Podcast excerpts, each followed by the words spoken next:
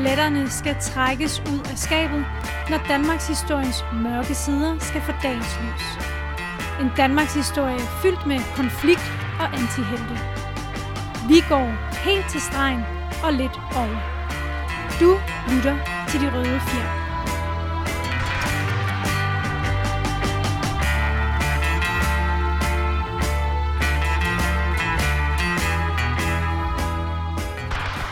Goddag og velkommen. Du lytter til De Røde Fjer. Mit navn er Kalle Kylmand, og overfor mig, der sidder som sædvanlig Andreas Nørgaard. Rigtig vel. velkommen til, Andreas. Mange tak.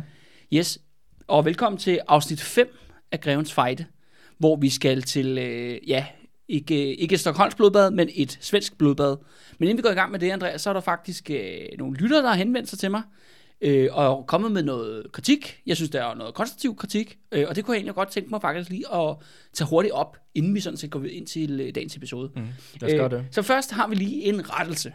Øh, I de sidste par episoder har vi lidt øh, grebet af stemningen, kommet til at kalde Christian den anden for øh, Kristenstjerne. Ja, det hedder han jo ikke. Det, det er ikke korrekt. Øh, han hedder, ja, Christ... Hvordan vil du udtale det, Andreas?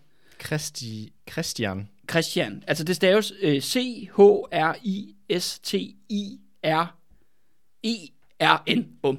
Christian. Ja, Christian. Og det lyder jo lidt hen af Christian Stjerne, men vi er sådan lidt øh, kommet til at øh, hoppe med og kalde ham Christian Stjerne. Det er ikke korrekt, og vi skal bare sige tak for at, øh, for at rette os. Ja, så nu kalder vi ham enten Nordens Neo, øh, eller, eller bare Christian Anden. Eller Christian Anden, ja. yes. Øh, Og det er også bare i forhold til øh, i, hele det her, når vi netop snakker om den her periode. Og der må jeg bare være helt ærlig og upfront og sige jo, at min historiske periode ligger jo mellem 1864 til 1945. Og nu siger jeg din historie, så mener du det, som du... Jeg har arbejdet med ja. og læst om og i rigtig, rigtig mange år. Øh, Og det betyder ligesom, da vi lavede, da vi, vi, vi refererer jo også hele tiden til Valdemar Atterdag i den her serie, og med Andreas, da vi lavede den, ja, faktisk for et år siden efterhånden, øh, der var det første gang nogensinde, at jeg sprang mig, kastede mig ud i middelalderhistorie. Øh, Og det betyder, at der blev gået nogle fejl øh, undervejs, og det, jeg har ikke f- oplevet nogen grælfejl endnu med Grevens Fejde, men jeg er sikker på, at der er nogle detaljer eller et eller andet, jeg kommer til at overse. Øhm, øh, og det, Eller tage fejl omkring. Ja, jeg tager fejl omkring. Og det er især den kritik, jeg har fået, er især i forhold til nogle, øh, hvad kan vi kalde det? Jeg vil gerne kalde det sådan nogle tekniske aspekter. Men det er også meget, meget færre lige at sige up front, for eksempel har vi kommet til at snakke om, eller eller kommet til at snakke om ildpile, det viser sig, at det er overhovedet ikke udbredt i middelalderen. Vi kommer også til at snakke om nogle henrettelsesmetoder der i år, 13, år 1300, som så ikke passer, det er noget, der foregår i 1500-tallet, osv. osv. Øhm, jeg vil selvfølgelig holde fast ved, at den overordnede historie, den overordnede fortælling, det passer. Men folk skal også bare være med på, at det her, det er jo min fortolkning. Altså, I kommer jo ligesom med, med i mig og Andreas' Udlægning af ja, historien. version af, af Grevens Fejde. Øh, og det betyder også blandt andet, at øh, det kan være svært når, som historiker at læse sig meget detaljeret grundigt ind i en periode. Og det er jo også noget at gøre med, at det her, det er jo altså kun noget, jeg laver deltid.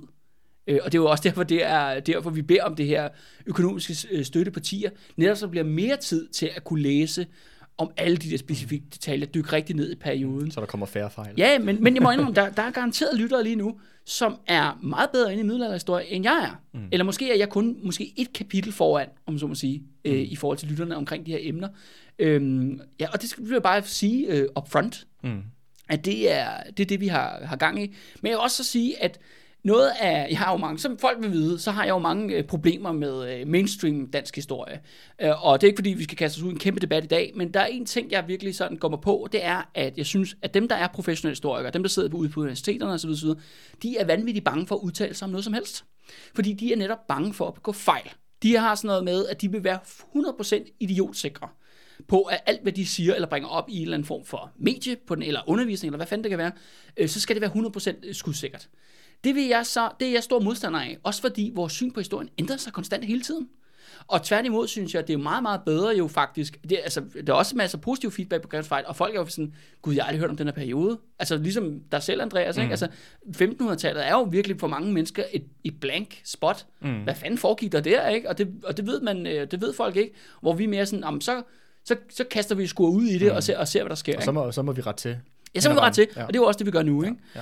Øhm, ja, og det, ja, og det er også derfor, det er jo, øh, det kan man sige, at, øh, at de røde fjer jo, og det her, vores, vores projekt, Andreas, omkring det her, ikke? det er jo et work in progress. Mhm. Mm-hmm. Ikke? Og det er jo også det der med, at den her økonomiske støtte, vi får ind partier, det er jo netop det, der gør, at projektet kan blive bedre og bedre. Mhm. Mm-hmm. Der kan komme mere tid, og vi kan måske også en dag investere i nye mikrofoner osv. For eksempel. Ja, altså der er, rigtig, der er virkelig plads til der, der, er, der er ting på ønskelisten. Ja, det er lige præcis, ikke? Og det er også igen til dem, der gør det. øh, Super mange tak for det, ikke?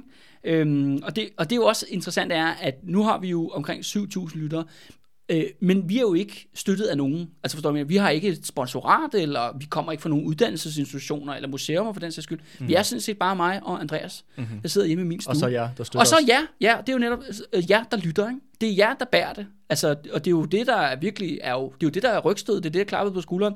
At, øh, også fordi vi heller ikke bruger penge på reklamer, for eksempel, øh, ude på sociale medier. Det er jo faktisk bare fordi, at lytterne synes, ja, tydeligvis, at det er fedt, og de siger det videre til deres venner og deres familie og bekendte osv. osv. Og det er jo det, der har båret øh, de røde fjer helt frem til nu, ikke? Mm. Øh, men ja, vi arbejder selvfølgelig på, at det skal blive bedre, øh, og jeg er altid villig til at lytte til kritik. Mm-hmm. Øh, fordi jeg vil sgu også godt blive klogere. Mm. Ikke? Og jeg kan også godt tage fejl. Ja. Øh, øh, og også igen en opfordring til folk til selv at, at dykke ned i emnet. I skal være så velkomne. Mm-hmm. Ja, så keep it coming. Keep it coming. Du lytter til De Røde Fjer. Og det var så det, Andreas. Yes. Nu øh, er det, nu øh, er det slut med, hvad hedder det, ris til os, og nu skal vi starte på ris til svensken. For der er sindssygt, de får nogen på hovedet i dagens episode. Men før vi gør det, Andreas, så måske meget godt lige at tage et uh, recap om, hvad skete der sidste gang. Ja, altså, vi, jeg tænker på, i stedet for at bare gennemgå slavisk alt det, der skete sidst, Ja. så tænker jeg faktisk på bare at, at fokusere lidt på de personer, som der går igen i det her, den her episode, vi skal til i dag. Øh, og det er jo for eksempel ja, Christian den anden, som yes. vi har lært, han hedder, Ja. som jo var en tur til Norge, hvor han var vicekonge, eller medkonge, eller hvad, hvad man skal kalde det, og hvor han indtog øh, Norge faktisk lavede et hostile takeover med alle institutionerne i landet, mere eller mindre, Ja. øh, og fik øh, kan man sige, slået det her oprør ned, der ellers var der. Og der i Norge, der mødte han jo så øh, hende her, den såkaldte norske heks, mor Sibrit, som, øh, som han tog med sig tilbage til København, som var en, en kvinde med mange talenter, må man sige. Ja, det Hun, øh, hun var jo både øh, øh, hvad kan man sige, øh, god inden for lægevidenskaben, inden for økonomi, øh, havde et kæmpe bibliotek, hvor øh, der blandt andet var de gamle græske filosofer, Platon, Aristoteles osv. Så hun var et meget, sådan, hvad kan man kalde det, et renaissancemenneske. Ja, hun var faktisk et renaissancemenneske. Ja. Ja, og meget øh, kritisk også over for, øh, for den hvad kan man sige, bestående sociale orden, især med mm. adelen og deres, øh, deres magtposition i Deres, samfundet. deres øh, privilegier. Ja, som de jo basalt set ikke har fortjent noget, de mm. er født til. Ikke? Ja. På den måde er det jo meget sådan, hun er meget sådan den der, repræsenterer sådan borgerstanden. Ja. Det der med, at det, er, det må være kundskab, for eksempel. Ja, din, evner, dine, ikke? dine evner og dine, Ja. dine kvalifikationer, der afgør din position, og ikke din, øh, hvem dine forældre tilfældigvis var. Ja. Øhm, men ja, så vi har her, hende her mor Sibrit, øh, som jo har fået den her øh, meget prominente status i samfundet, blevet en finansminister øh, i, øh, på, i, det, ja, her i, i 1500-tallet. Og øh, der er selvfølgelig mange, der ikke kan lide hende, så hun får det her øgenavn, den norske heks Yes. selvom hun er fra Holland. Ja. Men en mindre detalje. Øh, og så på den anden side af sundet, over i øh, Sverige, der har vi så ham her, Sten Stroh den ældre, som jo leder det her svenske oprør Ja. imod øh, Christian den anden, Ja. øh, som jo er blevet en konge på det her tidspunkt. Øh, og det er jo sådan set, øh, det er jo et lille recap af, Ja, det er i hvert fald det, der er relevant. hvad der skete sidst, Ja. og, der, og i forhold til, hvad for nogle personer skal vi holde øje med i dag. Ja, lige præcis. Vi har fremadrettet godt tænkt os at stramme lidt op øh, i forhold til, når vi netop laver de her recaps. Så når vi introducerer, som Andreas lige har gjort her, introducerer personer, det er de personer, der kommer til at være relevante for dagens episode. Mm. Og dermed ikke sagt, at nogle af de, vi før har snakket om, at de, De- aldrig de- bliver nævnt igen. De men, kan sagtens komme tilbage, og men- nogle men- af dem vil komme tilbage. ja, men vi nævner dem, når det bliver, når det bliver relevant. Yes. Ja. super. Og øh, så lad os gå i gang, Andreas. Så øh, ja, som du nok kan huske jo, så var det jo det der med, at, at, at øh, ja, mor Sibrit og Christian II, de har nogle store ambitioner, magtpolitiske stormagtsplaner, om at det her, at Norden skal være den nye supermagt. Øh, Christian II har jo landet det her kanon gode ægteskab. Danmark er rykket ind op i Superligaen. Men det, der ligesom forhindrer, at Danmark virkelig kan eje den her stormagtposition, det er jo det der med, den her svenske, svensk-finske provins, den er i åben oprør mod kongemagten, og har faktisk været det igennem en længere periode, faktisk helt for, øh, tilbage til 1501. Og hvad er vi nu? Nu er vi faktisk hoppet op til 1517. Okay. Det var vi slap sidst. Mm-hmm. Øh, og, det er, og der er nogle ting, der er vigtige, som vi også snakkede faktisk om i, helt tilbage i episode 2, det der med konspirationens tid. Og det er det her med Sveriges demokratiske, øh, ligesom kan man sige, øh, styreform eller anderledes styreform i forhold til Danmark og Norge. Og det er jo det der med, at i Sverige, der er bønderne en afgørende stemme i svensk politik. Og det er sådan ham her, Sten Struer den ældre, hans magt er sådan set baseret på bønderne, og det der med, at han tager rundt på tinge og holder, du ved, kamptaler, øh, og mobiliserer bønder. Det vil også sige, at den svenske her, når svenskerne går i krig, jamen så er det primært, består det jo af bønder, der er bevæbnet. Mm-hmm. Og ham med Sten Struer, som man kan man kalde det, øh, han har jo en adelig baggrund, men han er også valgt af bøndernes tillid. Og det er sådan en øh, faktisk øh, urgermansk, kan man næsten kalde det, øh, tradition for, at man vælger ligesom, når man er troet udefra, jamen, så vælger man selvfølgelig en militær leder, som har den største tillid til. Mm-hmm. Og det gør bare, at Sverige er et radikalt anderledes land, altså indrigspolitisk, øh, meget, og meget mere sådan demokratisk, end hvad der foregår i Danmark. Hvor øh, i Danmark-Norge, der er det jo det her rigsråd. Og det her rigsråd i Norge er faktisk blevet ligegyldigt. Nu er det faktisk kun rigsrådet i Danmark og kongefamilien, der ligesom bestemmer. Og så er der også noget med kirken og sådan noget. Hvis man, hvis man så lige skal på at opsummere, fordi nu siger du, at, at i Sverige, når der for eksempel skal være krig, Ja. så er det de her bønder her, der, der udgør store dele af hæren. Ja, Og de, er herren. De er hæren, og de vælger så deres, øh, deres øh, krigsførende general. Ja, så Sten Struer, den ældre her, han er rigsforstander Ja. i, øh, i Sverige, og det er han så valgt til af de her, af de her bønder. Ja. Hvis man så lige skal prøve at se, hvordan den, så den danske her ser ud. Hvem er det så, der udgør hoveddelen af hæren? Det er lejesoldater. Det er lejesoldater, Du har et øh, officerkorps, eller ridderkorps, eller hvad vi skal kalde det, ikke? Altså, der består af adelige. og de er så ikke valgt, vil jeg gå ud. Nej, det er de, de, de er, de er ud, udpeget og De ansat. er, øh, og, altså adelsønnerne er, er jo født ind i sådan en militær kaste. Mm. Og de træner også, de, de, de studerer krigskunst og øver mm. sig i krigskunst. Men når man så skal på, på feltog, jamen så har bruger man lejesoldater. Og det er noget at gøre med, at Danmark-Norge har mange flere ressourcer, end Sverige har på daværende tidspunkt. Danmark har simpelthen flere penge i kassen. Så de har råd til nogle bedre soldater. Ja, og de har også råd til at tage nogle meget, meget dyre lån. Ikke? Mor Sibrit, hun er jo finansielt, øh, du ved, geni. Ja, ja. Hun skal da også skaffe de penge, ikke? ved at låne dem af fy- fygerne eller nogle andre tyske bankfolk rundt omkring i Europa. Og netop øh, sørge for, at man får de bedste af de bedste. Og rent objektivt, kan man sige på daværende tidspunkt, der er lejesoldater, de er bedre soldater. Mm. Fordi de netop er trænet til det. En anden ting, som også er en problematik, når du har bundesoldater, at de gerne helst vil slås i deres egne områder. Det vil sige, at du kan godt mobilisere hønderne, bønderne til at forsvare deres eget område lokalt. Men for eksempel, hvis du siger, okay, nu skal vi altså lige øh, angribe København, så uh, det er godt nok langt væk, ikke? Mm. For de er jo meget sådan afhængige af, de jo tænker jo hele tiden på deres familier. Mm, og deres Og, der, og, der, og deres gård og deres landbrug, og hvem skal passe deres landbrug? Og det er jo klart hvem skal høste, når der hvis, hvis alle mændene forlader et landbrugssamfund, jamen så efterlader det jo kvinder og børn og gamle mennesker til at sørge for, at høsten kommer i hus. Og det her mad, som den her høst producerer, det er jo det, der får alting til at dreje rundt. Mm. Så derfor er de meget sådan, ja, de vil gerne selvfølgelig forsvare deres, øh, Deres ejendom. ja, deres ejendom og deres område og deres, øh, de folk, de kender, om så må sige. Men de er meget sådan, de vil helst blive der, hvor de er. Mm, så de har sådan en uh, defensiv uh, ja. Indstilling, kan man sige. Og det er jo også det, der er Sveriges problem i den periode mod sådan en modstander som Danmark. Du kan jo se det der med deres taktik i Norge, vi snakkede om der i, i sidste afsnit. Det var jo at sende agitator ind over grænsen for at starte lokale bundeoprør i Norge. Mm. Men forstår man, men det er meget langsomt, og det ja. tager tid, og Og det er ikke ligefrem, fordi det er en invasion. Nej, nej, altså, du ved, Christian II, han kan fise ned i Tyskland eller Holland, hvor der nu ellers er lejesoldater, og hvis han bare har en stor nok pose penge, så kan han kaste den på bordet, og så lige pludselig, så vælter det jo ind med lejesoldater. Mm. Alle mulige steder fra, ikke? Okay, så det, det er to helt forskellige herrer. Ja, det er det præcis. Ja. Øh, øh, og ja, der har vi også med Sten Store den ældre, øh, øh, men interessant er så ved ham, at han dør i 1503. Okay. Af alderdom. Ja, han hedder jo Sten Store den ældre, så ja. det var meget naturligt, at han var lidt over, op i årene. Øh, og så kommer der, der er godt nok en anden fyr lige imellem, men til sidst bliver der udnævnt en ny rigsforstander, som kommer til at hedde Sten Store den yngre. Er de i familie? Nej, det er de ikke. Okay. Det interessante er, at Sten Store den yngre er ikke i familie, eller jo, de er jo alle sammen i familie på den ene eller anden måde, de der adelsfolk, men han er ikke, det er ikke fars søn, det her. Okay. Det er vigtigt at forstå, eller øh, fætter, kusine, eller whatever. Ikke? Det interessante er, at ham her, Sten Store den yngre, han hedder faktisk øh, Sten, øh, Sten øh, Svarteson. Okay. Øh, så er, hans far hedder Svarteson, ikke? Men fordi at Sten Store den ældre er så populær blandt bønderne, så vælger ham her at skifte navn, for ligesom at stjæle hans fame. Okay. Fordi bønderne, er sådan- fordi at, at, at, og han bruger mange af de samme retoriske tricks. Du ved, han, har, han, prøver, han prøver faktisk en til en at kopiere Sten Struer den ældres, kan man sige, talestil.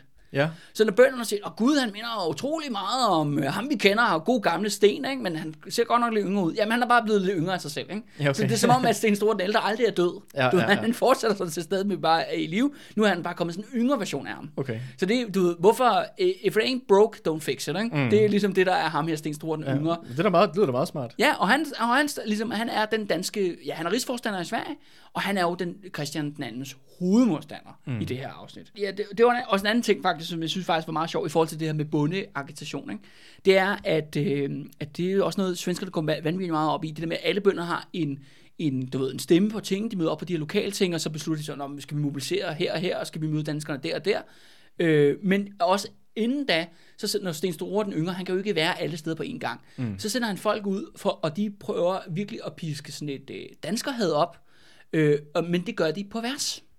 Nå, De så, rimer så, simpelthen. Så, så, en rap battle. Ja, en rap battle, og det var bare en helt normal ting i den periode, at de ligesom, fordi åbenbart, det får folk åbenbart til at lytte efter. ja. I stedet for der bare står en, der bræger på et eller andet tog, jamen hvad nu, hvis han gør det på vers? Så er det jo mega cool, ikke? Så Ja, er det jo mere en for en eller anden form for Så er det både, så er det både sådan politisk uh, agitatormøde og koncert i Ja, det samme ja, lige- Eller sådan poetry slam. Ja, og bare sådan, hold kæft, var en fed underholdning, ikke? Og Ja, nu er og, og, og, og, hvor er de der danskere i nederen egentlig? Ja, ja. Oh. det er ingen aldrig tænkt over, men de er pisse nederen, ikke? Ja. Øh, og det er bare meget sjovt, det går igen det der med, at øh, de her, øh, altså politik og propaganda og alt det her sådan noget, det foregår åbenbart rigtig meget på rim og vers. Mm-hmm. Og det er sådan, at det, at det er ligesom den måde, det foregår på, og det synes jeg bare er vildt, øh, vildt sjovt og interessant, ikke? At, det Mhm. var, at det var sådan helt normalt øh, Mhm. at, at se det i den, der, i, i den her tid. Også at nyheder bliver præsenteret på vers. Ja, det kan da være, at, øh, at folk ville øh, overholde de der coronarestriktioner lidt mere, hvis det blev præsenteret som sådan nogle rim eller vers i nyhederne Ja, på pressemøderne. Øh, der er værd at tænke på den der, kan du ikke huske den der sang fra Vietnam, hvor øh, du skal vaske hænder? Hvor de har lavet en uh, super catchy melodi. Nej, det kender jeg ikke. Nå, okay, Nå, så er der også lavet den. Hvad var det ikke? Det kan jeg vise dig bagefter. I et diktatur må ingen sige sandhed. I et demokrati må alle lyve om den. Så Sten Store den yngre, han har de der bønder i Sverige, men de er faktisk fucked mm. øh, af på alle mulige måder. Og det er fordi, de er fuldstændig isoleret, altså i international sammenhæng. Christian, han har alle kortene på hånden. Øh, og det, for det første får han jo Lybækkerne med, altså Hansestederne, med til at lave en blokade af Sverige. Mm. En handelsblokade. Og nu kan man så sige, jamen nu er det jo et samfund, der baserer sig på landbrug, mm. øh, hvor de dyrker alting selv. Meget natural økonomi. Ja, ja, så det er ikke fordi, at øh, folk er ved at dø af sult. Og dog. Det, han forhindrer faktisk primært, det du forhindrer i at komme til Sverige, det er salt.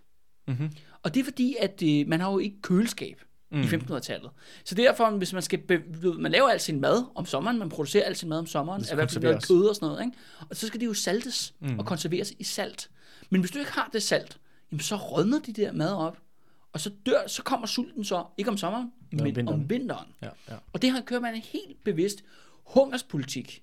Og det er også det, man, sniger, man sender selvfølgelig også masser af danske agenter ind i Sverige og siger bare sådan, jamen Sten Struer den yngre, han er skyld i, at I ikke kan få jer salt. Han er skyld i, at jeres børn kommer til at dø til vinter. Mm. Og det faktisk viser sig at være en utrolig effektiv øh, politisk redskab at bruge i den her periode. Ikke? Men det bliver virkelig, altså på mange måder er det ret interessant, at man fører krig mod befolkningen. Mm.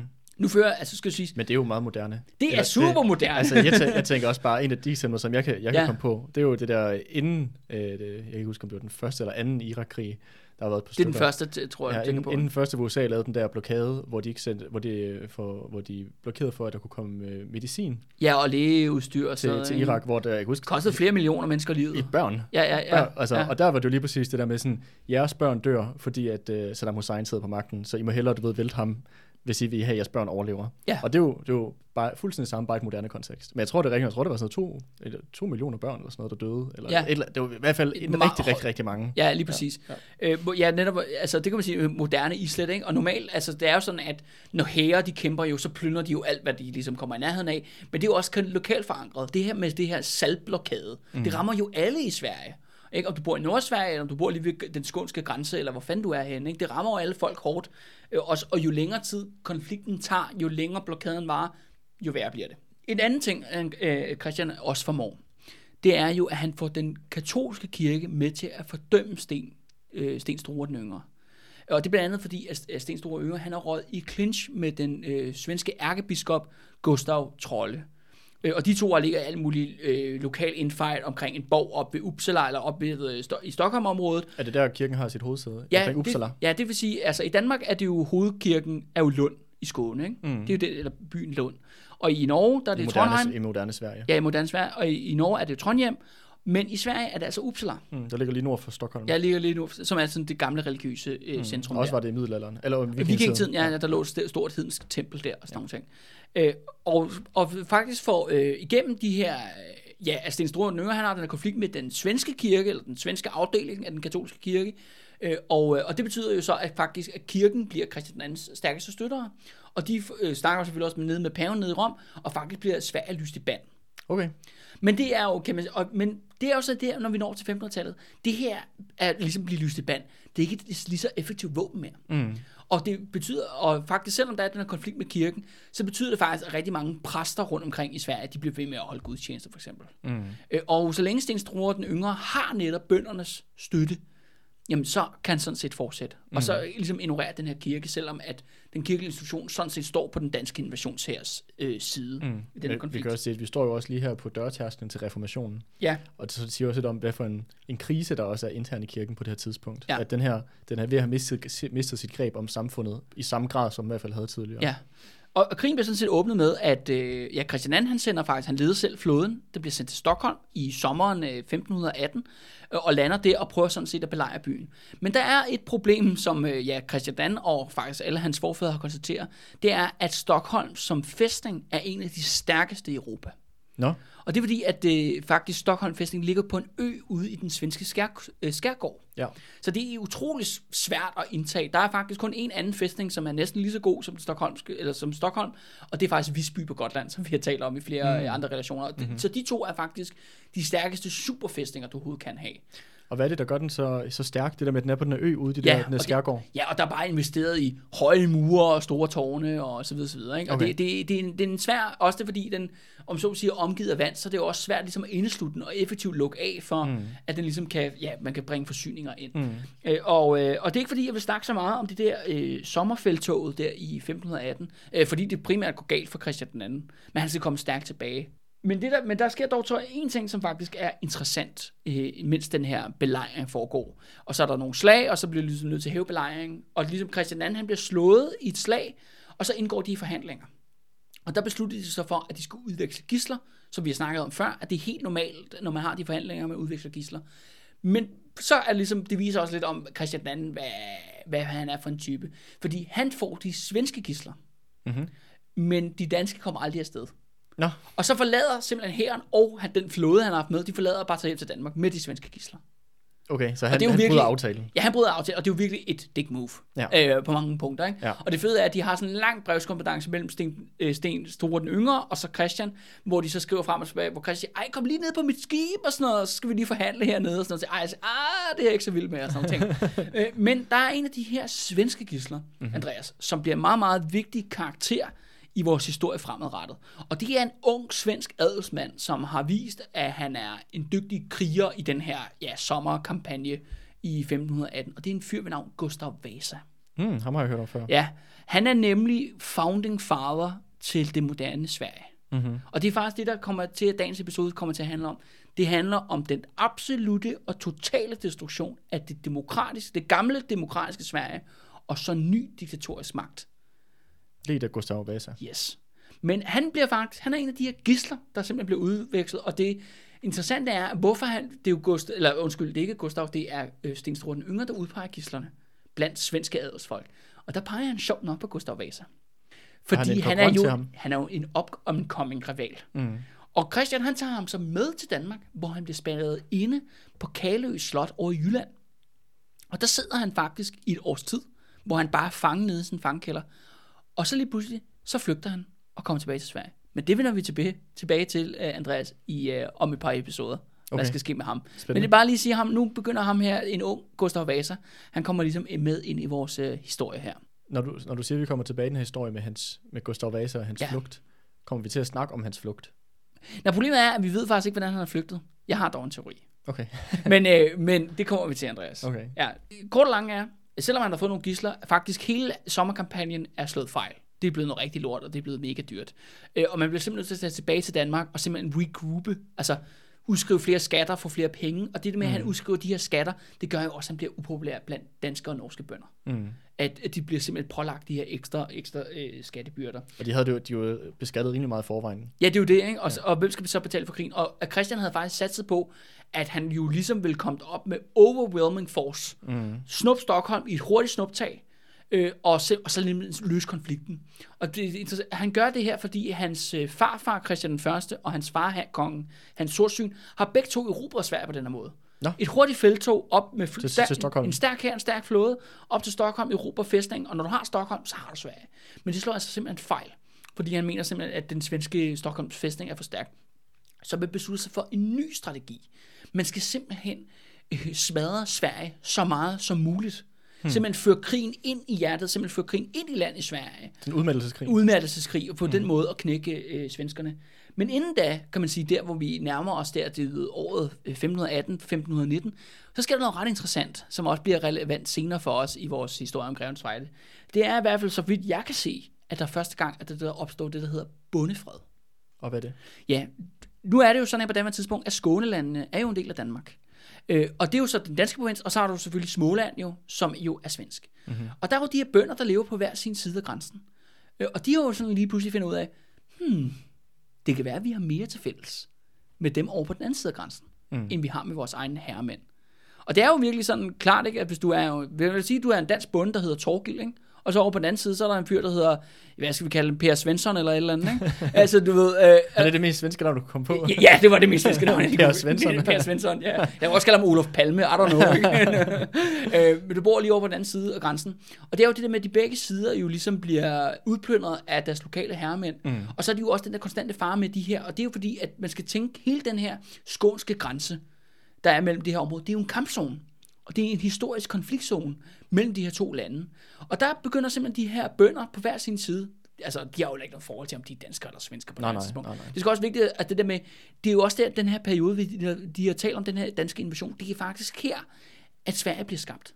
Mm. Det moderne Sverige bliver skabt. Det er, og den her historie, jeg kommer til at, vi, går, vi fortæller i dag, det er simpelthen urmøden i Sverige.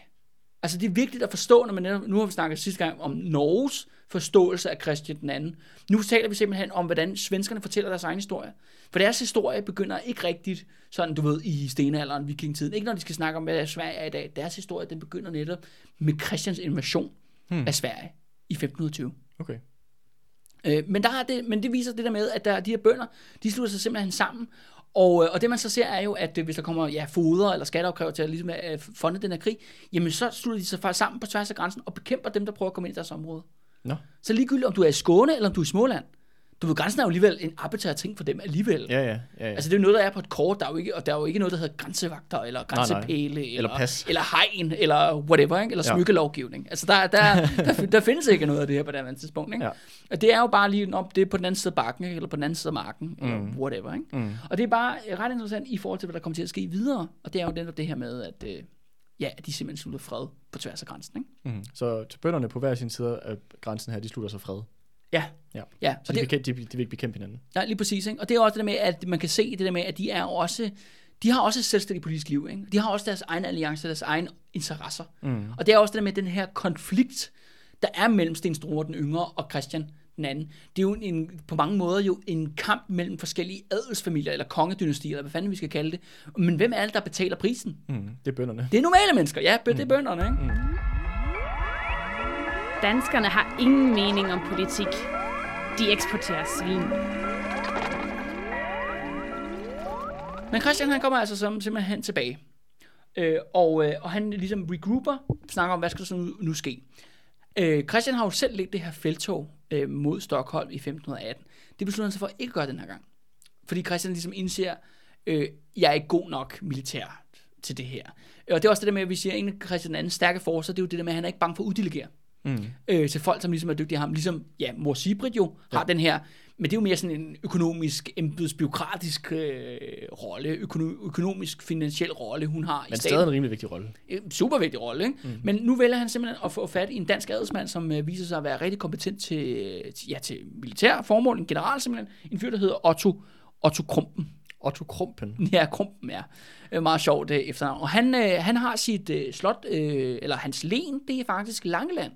Okay, Han har simpelthen Langeland, han er simpelthen herre af Langeland på det her tidspunkt. okay. Så Otto Krumpen, herre Yes. af Langeland. Ja, og de igen udskriver nye skatter, med mobiliserer, køber simpelthen en ny leje her, efter den anden blev slået i småstykker op ved Stockholm, og det består så af, ja, af skotter, igen ligesom sidst, men, og, og tyskere, som vi også har set før, men de hyrer også en flok franskmænd, mm-hmm. som er ligesom et nyt islet i den her leje her. Lidt, uh, lidt eksotisk. ja, og det er det meget pift op. international styrke, må man sige, man, Ja. man, man har fat i der, ikke? Er de også øh, nogen, der havde ry for at være gode legesoldater? Franskmændene? Ja, i hvert fald. Altså, det er jo sådan lidt, det er jo forskellige regioner rundt omkring i Europa, der leverer øh, legesoldater, ikke? Øh, hvor de ligesom er til. Vi kan huske, at Holsten er sådan en klassisk legesoldatsområde, ikke? Mm. Øh, for eksempel når man taler i, i Nordtyskland, og der er også faktisk friserne i Holland, som vi også har talt om tidligere, de er Okay. også aktive legesoldater på det her tidspunkt. Øh, Schweizerne, Ja. også, men det er jo mest sådan i Italien Jeg faktisk. skulle lige til at sige, fordi det er også... øh, Ja, de er lidt langt væk fra vores ja, historie men her, der er også de der Vatikanet, de bor jo også, den dag i dag har det, er det også, der hedder Schweizergarten, Ja, som som- der øh, bevogter og står for sikkerheden i Ja, ja, ja, Vatikanstaten, lige- lige præcis. som også er sådan en gammel levn af et eller andet, ved at gætte på. Ja, lige præcis. Ja, gamle legesoldater. Øhm, men den her her bliver altså simpelthen øh, samlet. Man har den der Lübeckernes blokade, som nu begynder at gøre rigtig, rigtig ondt. Og de begynder simpelthen at indlede et vinterfeltog i, øh, i øh, starten af 1520. Mm-hmm. Så invaderer de simpelthen øh, i Sverige, men den her gang så går de den lange vej hen over land. Så de faktisk starter op i Halland, i ja. Varberg, og så begynder de at køre ind igennem Sverige.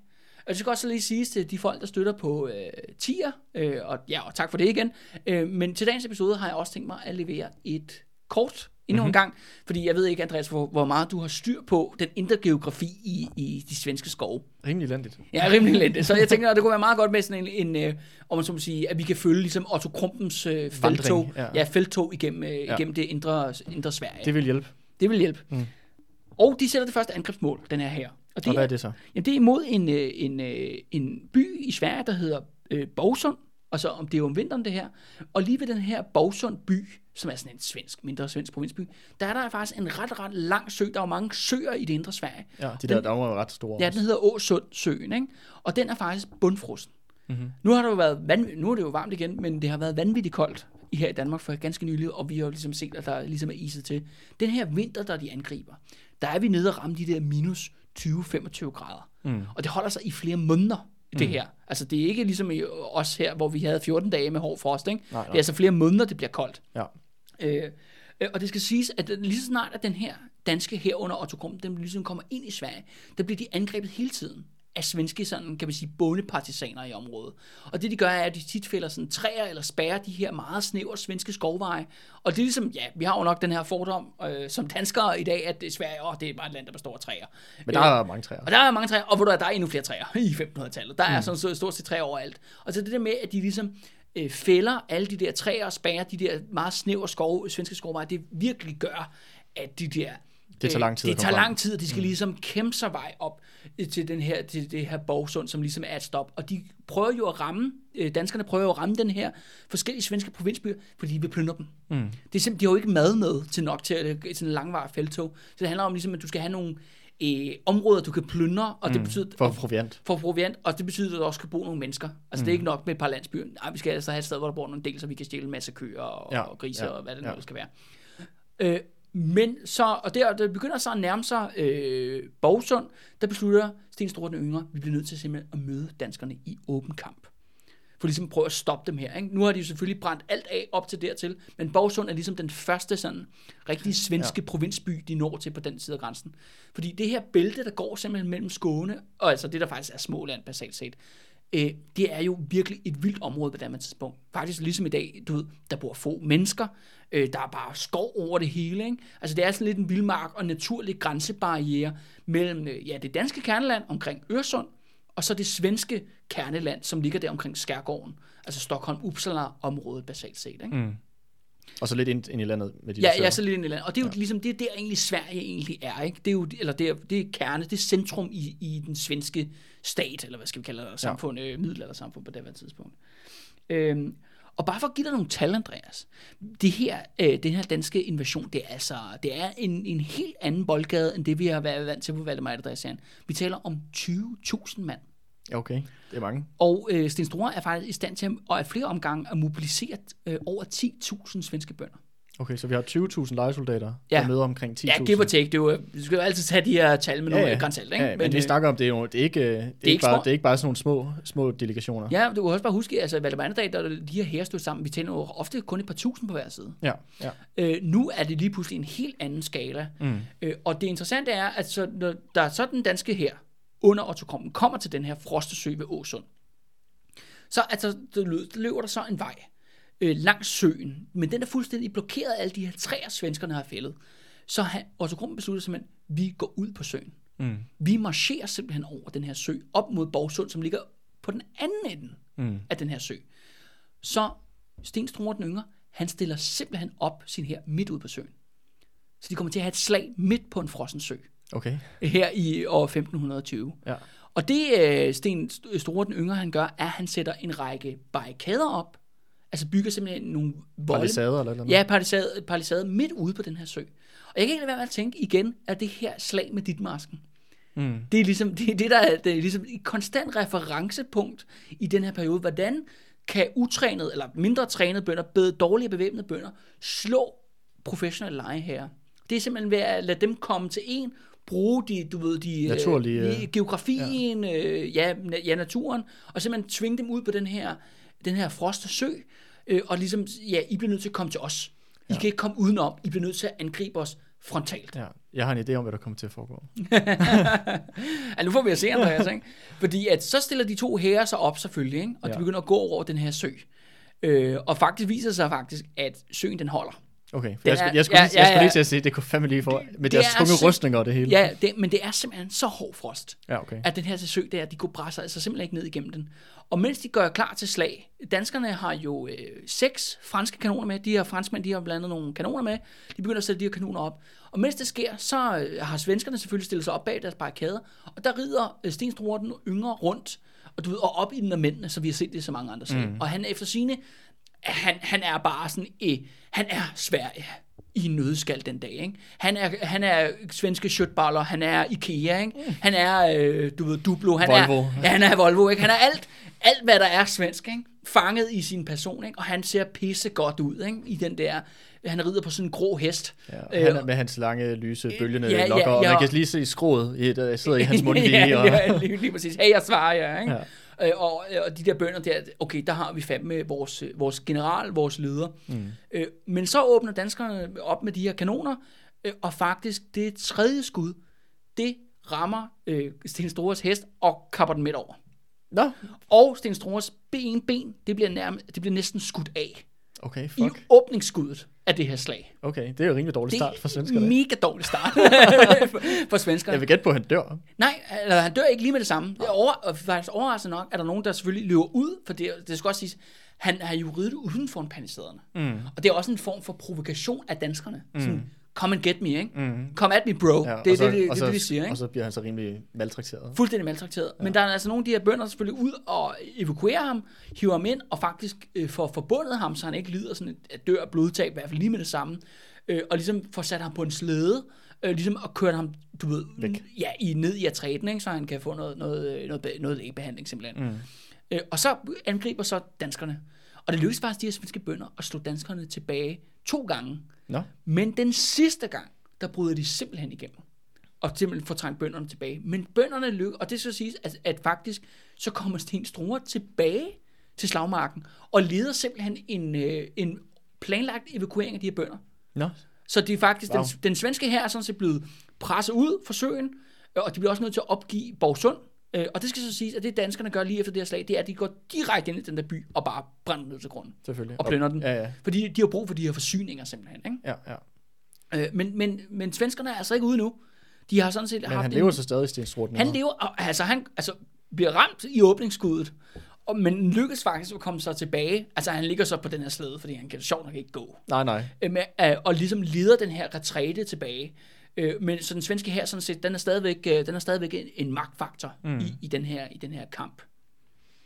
Nå, det er da alligevel uh, imponerende. Ja, det må man sige. Og, øh, men nu kan man så sige, at efter det her nederlag, så øh, er, øh, begynder danskerne jo virkelig sådan at nærme sig det svenske kerneområde. Og det, der er ret interessant, er, der sker der. Og jeg kan næsten tænke, at det enten er øh, Mor Sibrit eller Christian den anden, eller sammen måske, der har udtænkt den her strategi. Øh, efter de har ligesom plyndret Borgsund, og de begynder at bevæge sig ind i det, altså ligesom kerneområdet i Sverige, så får de faktisk strenge ordre om at lade være med at plyndre. Okay. Simpelthen, I skal stoppe med at mishandle lokalbefolkningen, når den her her begynder at rejse ligesom igennem. Og så der, hvor de, de landsbyer og områder, de nu kommer igennem, der begynder de at dele gratis salt ud. Nå, så de vinder dem, altså lokalbefolkningen over, Ja, ja, for at erodere støtten til Ja, lige præcis, fordi de, for i Danmark og i Norge, der har vi Ja. masser af salt jo. Ja, vi, øh, kan, vi har rigeligt. Ja, lige præcis. Ikke? Og det er jo virkelig essentielt for, for at vinde øh, folk over. Øh, og det begynder at virke. Mm. Du ved, støtten til, til det Sten Store den yngre, det begynder at smuldre. Det Ikke? man kan jo sige, hvis hans støttepille, det er bønderne, og du ligesom får at vinde dem over, så trækker du også tæppet væk under ham jo. Ja, lige præcis. Og det er også det der med, at mange af det her, det svenske bundedemokrati, det, øh, er, det, altså, det fungerer jo også lidt sådan, hvem er der ingen, der kan love os noget, vi får noget ud af? Mm. På den måde er bønderne jo ikke sådan lojale, Nej, nej. som, som for eksempel ridere kan være, hvor de sværer troskab, og hvis de bryder deres ed, så ryger de bare, du ved, så, så er de Bad bare, standing. så ryger de bad standing. Ikke? Ja. Vi, vi så det jo også med ham der øh, i Norge der, øh, Henrik Krumdige der, ikke? Som, kom, som brudte sit løfte om frit lejde, og det havde jo faktisk konsekvenser for ham. Mm. Altså for hans karriere og politisk, fordi han gjorde det. Ja, ja. Sådan er det slet ikke med bønderne. De kan sådan set skifte hest, som, som de har lyst til. Ikke? Mm. Øh, og det kan man så se i det Men man her. kan også sige, hvorfor skulle man også, hvad kan man sige, hvis, hvis det er, at dine børn ligger og dør af sult, fordi du ikke har noget Ja, salt. det ændrer nok dine prioriteter rimelig Ja, meget. ja, tænker jeg også. Altså, Ja, ja. Og, fordi at, og hvorfor er det, du er i oprør? Fordi en eller anden adelsdude i, Sverige, i Stockholm gerne vil være konge, frem for den i kø, adels, øh, Dude. i København. Ja, ja, ja, ja, det er lige præcis, Ja. ja. ikke? Det er pest og kolera. Ja. De røde fjer. Skyd efter benene. Men det store, øh, den yngre, som på mirakuløs vis stadigvæk er i live, på trods af, at han har manglet et ben og, øh, og ligger på en slæde og dirigerer de her bønder. Han bliver nødt til, okay, vi bliver nødt til at møde danskerne en gang til. Altså, vi prøver at stoppe dem, inden de kommer ind i selve det svenske kerneland. Øh, og der vælger han et meget, meget sådan øde skovområde, altså det sidste store øde skovområde, før du ligesom rammer Stockholm. Det er det, der hedder, jeg tror nok, det udtales øh, Tiventen. Og det er sådan et, i dag er det stadigvæk en naturpark. Altså, Okay. Så det er bare for at sige, at det her det er altså ude i, i middle of fucking nowhere, basalt set. Øh, og der beslutter det sig for, at der skal vi møde, der skal han endnu en gang prøve at stoppe den her danske her, som nu bevæger sig igennem, ja, igennem Sverige. Øhm, og, og der griber de ikke til en, der griber de til en helt anden taktik, som svenskerne har gjort mod rigtig, rigtig mange danske erobringsforsøg. De ligger et gigantisk baghold. Jeg skulle lige sige, det med sådan et skovområde der, Ja. det der er perfekt med sådan noget partisanerværk. Ja, ja, lige præcis. Ja. Og det de selvfølgelig helt klassisk igen gør, er, at de, de spærrer vejen Mhm. med, ja, barrikader. De bygger tre, der, er der er jo tre over det hele i Sverige, så det er nemt at bygge barrikader. Ja, ja. så de sætter de der så barrikader op, og der er det faktisk sådan her, at de her franske lejesoldater igen, det er ligesom dem, som er, øh, kan man sige, fortroppen Mhm. i de her, øh, de her styrker her. Øh, og de øh, går, og det, efter de har ligesom har slået den her svenske bund her allerede en gang nede ved Borgsund der, eller Bogsund, så, øh, så siger de, at vi går på dem igen. Og de går så til angreb og prøver ligesom at komme igennem øh, den her øh, øh, barrikade. Men da det sker, da de ligesom kommer foran, så lige pludselig bliver der simpelthen væltet mange hundrede træstammer ned, fordi det er nede i en eller anden form for dalsækning, eller der er nogle, der er nogle klitter eller klipper, eller hvad fanden det Mhm. er, der vælter ned og simpelthen spærrer dem inde. Mm. Så, de, så, de, er- så de er afskåret fra De resten? er afskåret, for, det, og simpelthen det der med, at de simpelthen kunne vælte træer ned, og ligesom sprede, ligesom isolere den her franske mm. fortrop fra resten af den danske styrke, og de her franske lejesoldater, de bliver massakreret. Mm. Deres leder bliver dræbt, og sådan, det bliver totalt kaos, og det ender faktisk med, at mange af de der franskmænd, de simpelthen smider deres våben og overgiver sig mm. til de her, de her svenske bønder. Det lyder lidt ligesom det der slag, som øh, det der, i, det der nede i Tyskland, som romerne de led. Det der, hvad fanden det hedder? Ja, nede i den der... Øh, Sutenberg for... ja, ja, ja, ja. Eller hvad, ja, jeg ikke huske, hvad den ja, hedder, ja, den der skov ja, der. ja, lige præcis. Og der er to, to, to romerske hele legioner, der ligesom faldt i sådan et baghold, hvor det også lige præcis noget med, du ved, så bliver alle de der forskellige her bliver delt op ja. Ja. med sådan nogle fa- faldende træstammer, og så tager du dem en for en. Men den her, den danske politik om ligesom at øh, prøve at vinde lokalbefolkningen over sig, den viser sig nu faktisk at give på det. Øh, for det er lidt uklart, hvordan, men der er nogen, her igen, igen, igen kan man sige, der er nogen, der forråder, en svensker, der forråder Sten Store, den yngre, og viser ham vejen igennem et skovområde til at komme om bagved. Mm. Vi, har, vi, hør, vi så det også faktisk også i Norge. Det var den samme, mm, den samme, historie om igen. Ja, ja. At der ligesom bliver for, forrådt, og der simpelthen kan sende en flankeringsstyrke udenom og angribe de her svenske bønder i ryggen. Og det bliver simpelthen en, øh, en massakre øh, Øh, på de her svenskere. Efter det her slag, som virkelig bliver sådan et kæmpe nederlag for, for svenskerne, der er øh, Sten Struve den yngre, han er på vej øh, tilbage øh, til Stockholm. Han kører over sådan en frossen sø, der hedder øh, me, me, Maleren, eller sådan noget, den der dur. Nå, men øh, jeg, jeg, jeg virkelig slagtet de der svenske stednavne i den her episode. Ah, tror, kan du, tror du ikke, der er en sø, der hedder Ma, ma, ma, det er sådan noget, du ved, det er M-A, og så de her svenske boller øh, henover. Umlaut der. Ja, umlaut der, ikke? Ja, Mølion. Jeg aner det ikke. Men, ja, okay, jeg aner ikke, ja. hvordan det hedder. Han kører over en frossen sø, Ja. og, øh, og, og på den frossen sø, der kommer der ligesom et bud og siger til ham, vi har lidt nederlag, og så dør Sten Struer den yngre. Lige midt derude på isen. Og det bliver virkelig en skæbne time i svensk historie, det her. Fordi med ham, der dør simpelthen den her svenske bondedemokrati. Og vil først opstå igen om mange, mange hundrede år. Så for Sverige, når de snakker om deres demokratiske traditioner, så forbinder de det op med ham der Sten Strohning. Og nu var han selvfølgelig en adelsmand, mm. men han var trods alt faktisk valgt af folket på, et en, andet måde, niveau. på, en, på en måde, Ja, ikke? Øh, som, som det i hvert fald var det samfund. Ikke? Øh, og det er, sådan, det er simpelthen det her, at Sveriges moderne, moderne historie, den starter. Det er simpelthen med ham her, Sten Strohe den yngre, som jo bliver dræbt af danskerne øh, og, og dør, på, dør i kamp for Sverige. Mm. Øh, men det er klart nok, med hans død jo, så er jo vejen direkte åben til Stockholm. Mm. Og den danske her kommer derop. Øh, det skal siges, at Sten Struer, han, Sten Struer den yngre, han har en, ja, så en enke, en kone. Hun hedder Christina Gyldenstjerne. Hun er faktisk dansker. Jeg skulle lige sige, hørt Gyldenstjerne ja, før. ja, ja, hun er faktisk dansker. Men hun holder øh, simpelthen øh, øh, Stockholm fæstning. Man ligger belejring, og det er jo det der med, at det er den bedste fæstning i Norden. Ja. Så man er sgu lidt på, øh, man er sgu lidt presset, ikke? Altså, hvad man så gør. Men, men man, har, jo- man har jo faktisk indtaget det meste af Sverige.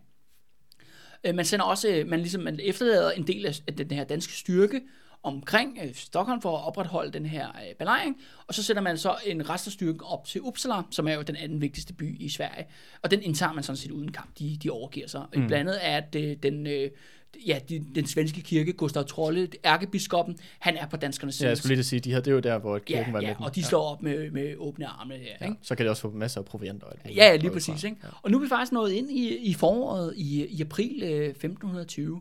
Men øh, selvom Sten Sture den yngre han er død, så er bønderne altså ikke ude af kampen endnu.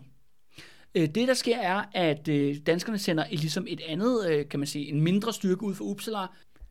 Fra Uppsala, der sender den danske her, altså Otto Krumpen, mm-hmm. som så stadigvæk jo er herfører her, han sender sådan en mindre styrke op for at belejre en mindre svensk borg, der hedder øh, Vesteråsen. Okay, det bliver godt med det der kort der. Ja, det er- bliver, det bliver skide godt med det kort der. Og der, der begynder de her danskere så at, at belejre, at belejre den det. Øh, Og der, øh, men der begynder øh, bønderne så at samle sig omkring den her borg. Og de sørger faktisk, at har en mindre træfning med danskerne, øh, og ligesom får dem til at ophæve den her belejring. Så faktisk vinder de svenske bønder sådan en mindre sejr, mindre mm. taktisk sejr her. Og det giver dem lige pludselig meget mere blod på tanden. Danskerne der, de trækker sig tilbage til, øh, til Uppsala, Øh, men så begynder bønderne at samle sig, ja faktisk, man vurderer omkring 10.000 mand. Mm-hmm. Og så marcherer de mod Uppsala. Og det her, det skal blive det blodigste slag i svensk historie, det her. Okay, Ja, eller i hvert fald, eller i hvert fald at sige, det enkelte, det største stående øh, slag, hvor at ja, bønder, de lider døden for Sverige. større end det der slaget i Visby. meget, meget større. Det, der sker, er, at, øh, at svenskerne de begynder at nærme sig, og det, nu er vi jo så nået i april, men dengang var vejret altså simpelthen bare koldere, så det begynder altså lige pludselig at sne. Mm. Det sneer ret meget, og faktisk... Jeg tror også, vi er i den lille istid på det tidspunkt. Ja, der er sådan, det er- der er sådan en ja. lille, mindre, mindre istid i middelalderen. Men det, sker faktisk, at den her sne, det er, men det er sådan noget tøsne, forstår man. Det falder på jorden, og så smelter det, ikke? Og, så, og så bliver der vand over det hele. Men det her sne, det skærmer simpelthen, at den her svenske bund her, den bliver ikke opdaget, før den er helt tæt på Uppsala by.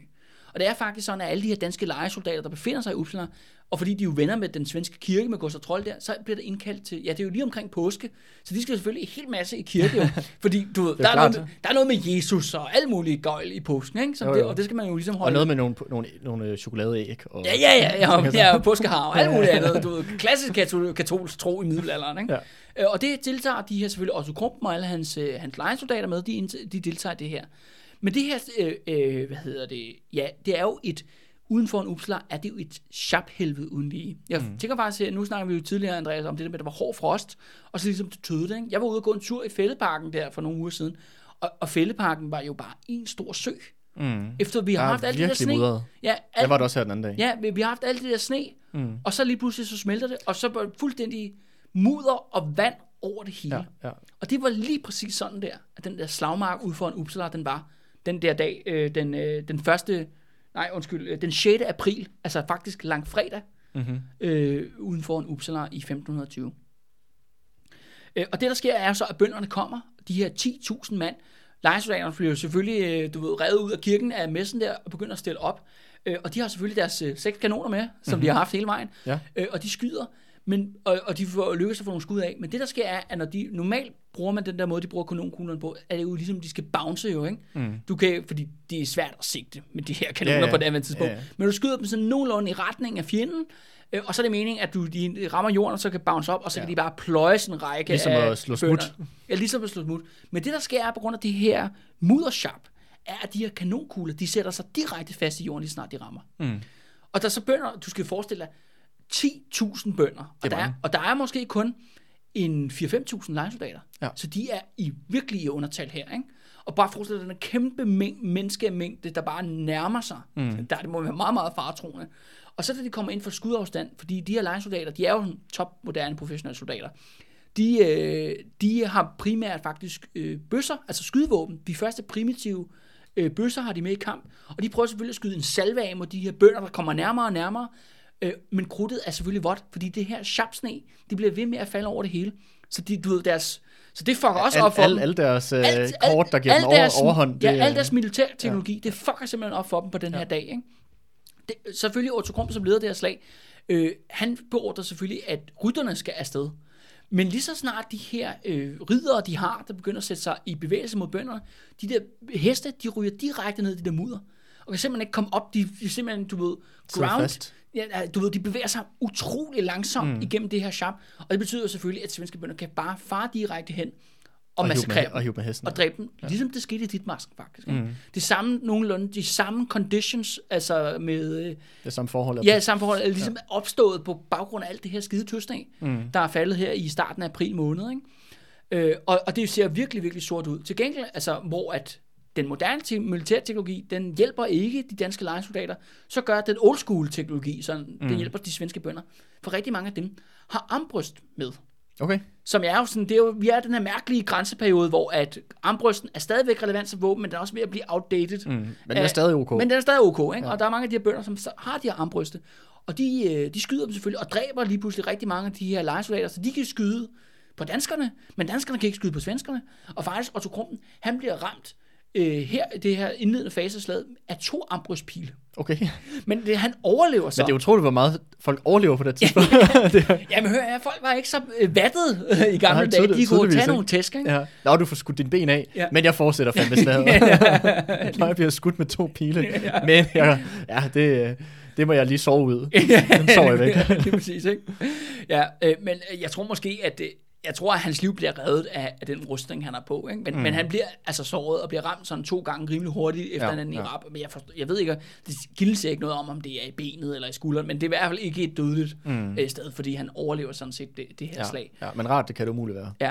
Øh, og det, der så sker, er jo, altså, at svenskerne virkelig begynder at trænge den her linje tilbage. Altså, det er jo virkelig kun deres professionelle træning, som gør, at de ikke fuldstændig forlader slaget. Mm. Disciplin. Flygter, øh, så fuldstændig spredes op i, i panik, ikke? Mm. De her danske leje, eller de her internationale lejesoldater Jeg kan godt sige, hvor skulle, de, hvor skulle de flytte hen? Altså, hvis de sidder alle... De er jo hjertet af Sverige på det her tidspunkt. Og ikke? de er, hvis, de er, i, hvis de allerede er i Uppsala, altså det er jo ja. sådan et, altså de kan selvfølgelig godt flygte ud af byen, går ud fra, Ja. men altså det er måske næsten bare bedre at bare blive inde i Uppsala, hvor Ja. de måske, altså nu går ud fra, at det er en by, hvor du for eksempel kan kæmpe ind i gaderne for eksempel. Og det er jo faktisk præcis det, der sker, ikke? Fordi ja. Netop... Fordi at så er, så er det jo lige pludselig den, den der overvældende, øh, kan man sige, numeriske øh, flertal, som de der bønder er. Det bliver jo ligesom ikke, det betyder ikke så meget jo, hvis du kan kæmpe i nogle smalle gader for eksempel. Ja, lige præcis. Og det er jo faktisk det, der sker, er, at øh, lejesoldaterne bliver presset ind i byen, øh, og bønderne bliver spredt op, og så, er der, så, så sker der jo det der med, at fordi bønderne bare har mindre disciplin, ikke? Mm. mange af dem begynder simpelthen at plyndre.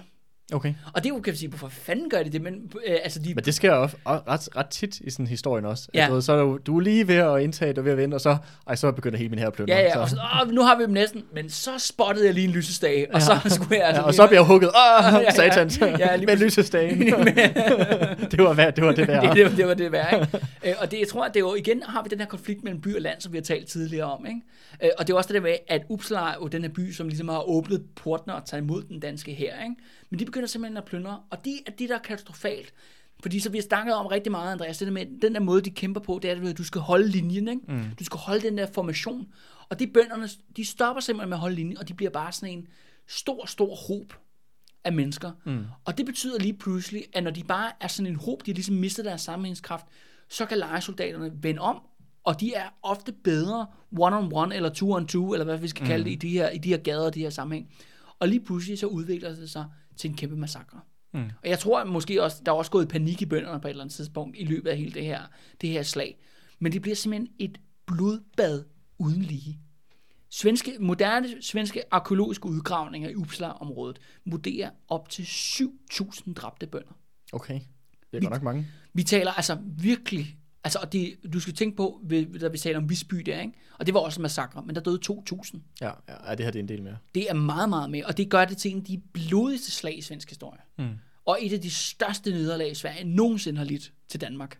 Altså sådan i, i, man, i, i mandetal, ikke? Mm. Øh, og efterfølgende, og de her, altså, Otto Krumpen og lejesoldater, de, ved, de, de snupper en sejr lige fra nederlagets øh, hænder, eller du mm. ved ikke, de er så tæt på at tabe, og så vender det på, tal- på en tallerken i sidste sekund. Mm. Og så har de faktisk vundet krigen i Sverige, på baggrund af det her Uppsala-slag. Og efterfølgende, så ligger der jo selvfølgelig 7.000 bønder ud over den her, ja, Uppsala by og, og markerne ude foran, og det ligger det der vat, ikke? Øh, og der beslutter faktisk Gustav Trolle og alle de der andre svenske biskopper, lad dem ligge. Okay. De begraver dem ikke. De lader Wow. dem simpelthen ligge og rådne ude på den der, øh, ude på, ude på markerne der. Hold op. Det er først langt senere, man begynder så at, at, at, at, at simpelthen at lægge dem i jorden, ikke? Ja. Og det er simpelthen sådan en, du ved, en straf, Mm. for at de er blevet gjort oprør, ikke? Altså de der bønder, de har vist sig, at de går imod øh, øvrigheden øh, Mm. og den svenske kirke i den her sammenhæng, ikke? Ja. Og det er jo virkelig, virkelig gralt, ikke? At det ja, er jo det er nok også grum, et- grum et, skæbne, et, ikke? statueret eksempel. Ja, og du kan også bare forestille dig stanken, ikke? Ja, jeg skulle lige sige, også de mennesker, der bor i byen, stakkels dem. Altså, dem, der bor i Uppsala, det Ja. må da være mega fucking nederen. Ja, lige præcis, ikke? Øh, og ligesom, øh, ja, og efter det her gigantiske nederlag, som det virkelig er, så kan man godt være, okay, der er ikke noget at gøre. Sverige bliver simpelthen nødt til at komme tilbage til Kalmarunionen og Christian den anden. Mm-hmm. Øh, Christina der, som er jo så i Stockholm, er, er og holder fest Ja, hun holder Ja. fast. Hun, har, hun holder ud i nogle måneder endnu, men, men i takt med, at du ved, ligesom indser deres egen mad, det bliver jo selvfølgelig spist ind i Stockholm, øh, og der kommer jo ikke nogen undsætning. Mm. Altså Christian II og gennem hans politiske netværk i Europa har effektivt isoleret svenskerne. Mm. De er kun sig selv. Og bønderne, er, altså bonde her, det der er sådan set har været the backbone. Mm. Er destrueret fuldstændig. Ja, i det svenske bondedemokrati er fuldstændig spredt til alle vinde. Så den 5. september øh, 1520, der overgiver hun sig simpelthen. Mm. Men inden hun overgiver sig, så laver hun så en aftale med Christian om at sige, jamen vi overgiver os, øh, Sverige vil hylde dig som, ja, som svensk konge, Kalmarunionen vil genopstå øh, i stormagts øh, øh, fordom og vælde, øh, men der, vi har kun en betingelse, og det er, at vi skal have amnesti. Hmm. Altså, Så alle, alle de der adelen, de ja, bliver, og, de får, og oprørsledere ja, i det de, hele taget. de, de bliver ikke straffet Ja. for deres oprør. Ja. Og det, øh, og, øh, ja, altså det, man, de faktisk kalder øh, Sten Struer partiet. Mm. Fordi, du ved, i det svenske rigsråd og den svenske adel, der har du to fraktioner. Du har ligesom danskerfraktionen, ja. som er er den svenske kirke med Gustav Trolle, som ligesom leder den. Og så har du svenskerfraktionen, jo, som så var Sten Struer den yngre, og så nu hans kone, mm. eller, ikke- eller ingedronning, eller ingekone, mm. eller hvad skal kalde hende, Christina Gyldenstjerne, som ja. ligesom står for det. For Og det bliver som det ledte oprøret. Ja, lige præcis. Og Christian II, han siger jo selvfølgelig, jamen han lover dem selvfølgelig amnesti. Mm. Øh, og siger, jamen nu, vi slår en drej over fortidens øh, sønder, vi begynder på en frist. Det handler jo om, at vi skal bygge den her nye nordiske stormagt. Men Andreas, det skal jo sjovt nok vise sig, at Christian overhovedet ikke har tænkt sig at holde sit løfte. Fordi da Christian så endelig skal krones i Stockholm, så skal det ende med et blodbad.